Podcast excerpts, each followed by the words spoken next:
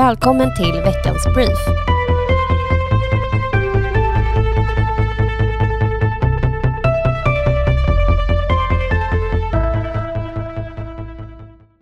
I den senaste väljarbarometern från SVT Novus ökar Moderaterna till 22 procent och är därmed större än Sverigedemokraterna som ligger på 19,6 procent.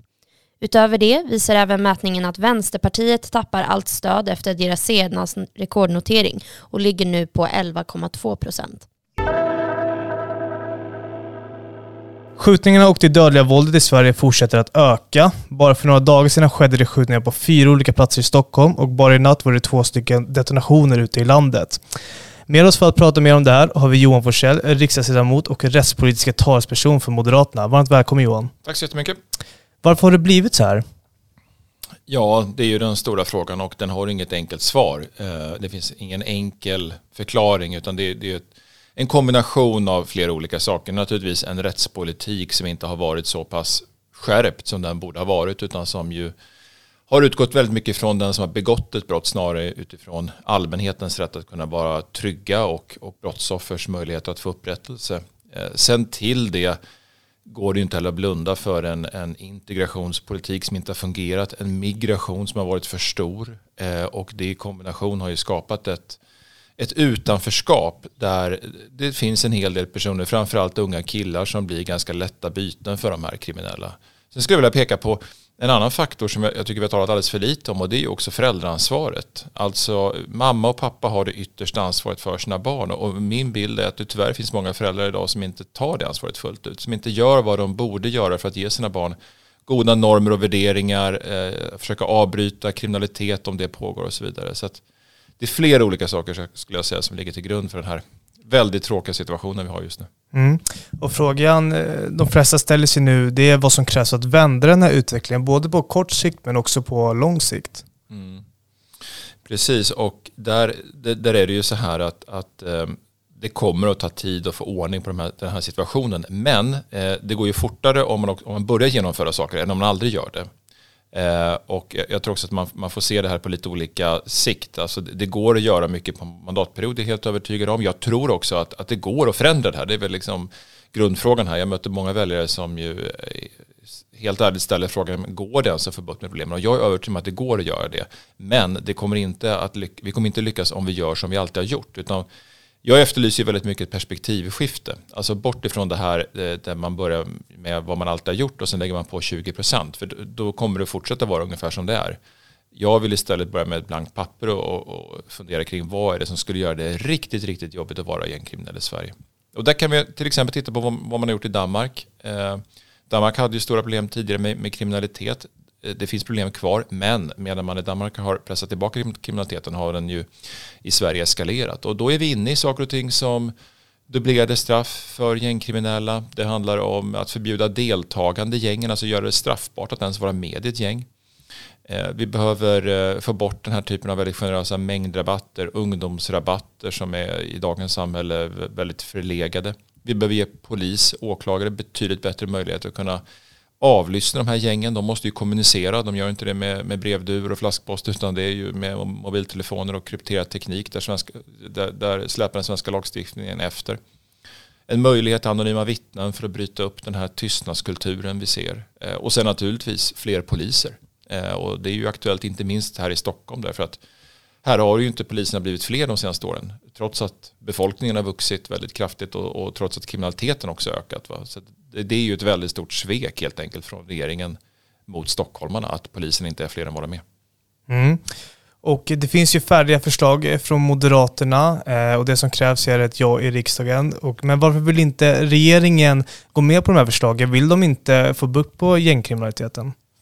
Jo, det är klart att de vill. Alltså, det tycker jag man ska säga att det finns väl ingen politiker i Sveriges riksdag som tycker att det är en trevlig situation just nu. Utan, utan alla vill ju väl, alla vill att, att, eh, att det ska bli en förändring. Men vi skiljer oss åt väldigt mycket i synen på hur stora problemen är. Alltså, vi har ju pekat på det här under flera års tid och fått höra att vi överdriver och, och snart kommer det vara löst och, och, eh, vi är på rätt väg. Och det är bara några månader sedan som ju både Mikael Damberg och Morgan Johansson till och med kallade till pressträff för att berätta att nu kommer det att ske stora saker. Men tyvärr eh, får man ju säga så den här sommaren har ju varit den blodigaste någonsin. Eh, och det är ändå trots att vi har fått väldigt fin hjälp från fransk polis när man har knäckt Encrochat. Hur de här siffrorna kring skjutningen hade varit om vi inte hade fått den hjälpen, det kan man ju verkligen fundera kring.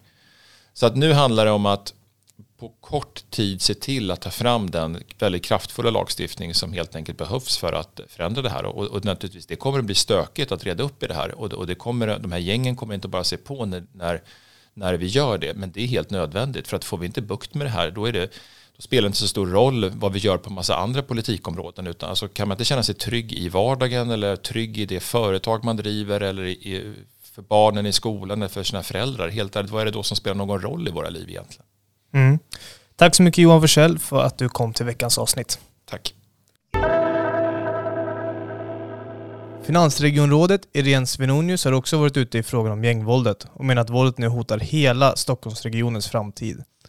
Mot bakgrund av den våldsamma sommaren kallar nu Irene Svenonius regeringen till ett krismöte för att lösa situationen.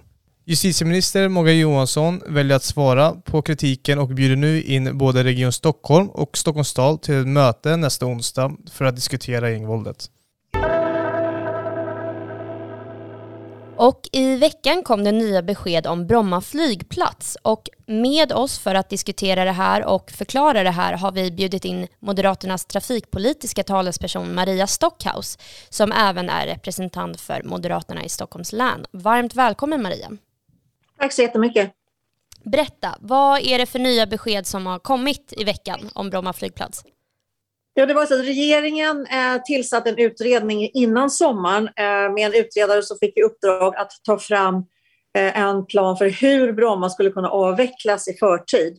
Och så fick han eh, i princip bara sommaren på sig och så, så redovisades den den 31, alltså i tisdags kom den här utredningen eh, där han då presenterar eh, den här eh, jag skulle säga att när man lyssnade på presskonferensen så var det mer frågetecken än vad han gav svar egentligen. Han pratade om alla osäkerheter kring flygets framtid och sen så sa han att ja, just nu med tanke på så flyg, hur, mycket, hur mycket flyg som startar och landar just nu så skulle det gå att kort sikt flytta över den trafiken till Arlanda. Det var hans slutsats. Så Eh, ja, det, var, det var ett rent, rent beställningsjobb från regeringen. Som när, den, när den här utredningen lades så, så åt ju miljöpartisterna tårta och firade att de äntligen skulle få lägga ner en flygplats.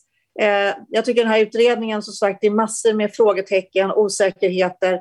Och eh, vill man att liksom inrikesflyget ska överleva i Sverige så, så är det här definitivt inget underlag för att, någon förtida nedläggning av Bromma.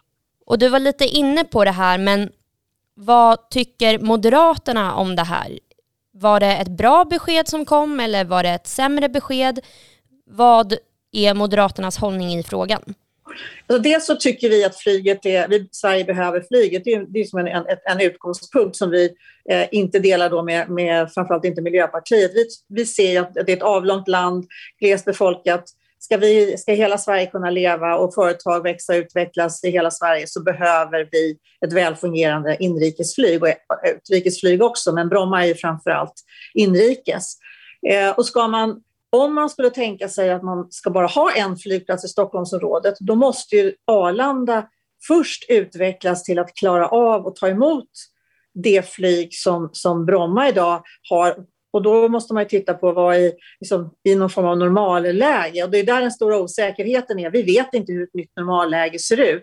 Och att då stänga en flygplats i förtid, det tycker vi är oansvarigt. Och den här utredningen, som sagt, ger inget bra stöd för att göra det heller, om man inte vill att, att man ska liksom strypa inrikesflyget. Och det vill ju Miljöpartiet, men det vill ju inte vi. Så att, eh, vi vill absolut inte stänga ner Bromma i förtid. Och ska man stänga ner Bromma så ska man först utveckla Arlanda innan man tar ett sådant beslut. Mm. Och så, precis som du säger, det är svårt att veta hur det kommer se ut med flyg i framtiden och så. Men om du ändå skulle göra en kvalificerad gissning som trafikpolitisk talesperson, vad skulle du tro att det landar i? Kommer Bromma flygplats avvecklas i förtid eller kommer vi få ha kvar det? Jag tror inte att Bromma kommer att avvecklas i förtid, för det finns en riksdagsmajoritet mot att göra det. Eh, så att jag skulle tro att, att Eh, och egentligen kan regeringen fatta det här beslutet själva, men nu finns det ju två riksdagsbeslut, ett från 2016 och ett från i våras, som tydligt liksom tar avstånd från en förtida nedstängning av Bromma. Eh, så det ska ju mycket till att regeringen kör, liksom, kör vid sidan om och fattar beslut ändå att stänga Bromma. Det kan ju få ganska stora konsekvenser om de väljer att göra det. Men, eh, så jag, jag tror faktiskt att vi Eh, om vi håller ihop den majoritet som finns i riksdagen eh, mot det här så kommer vi att lyckas eh, se till att Bromma blir kvar. Du, stort tack för att du ville vara med och så får jag önska dig en trevlig helg. Ja, detsamma. Tack så mycket. Stockholms finansborgarråd Anna König Järmyr har också gått ut och sagt att en tidigare nedläggning av Bromma flygplats inte kommer på fråga om man inte kan säkra Arlandas kapacitet.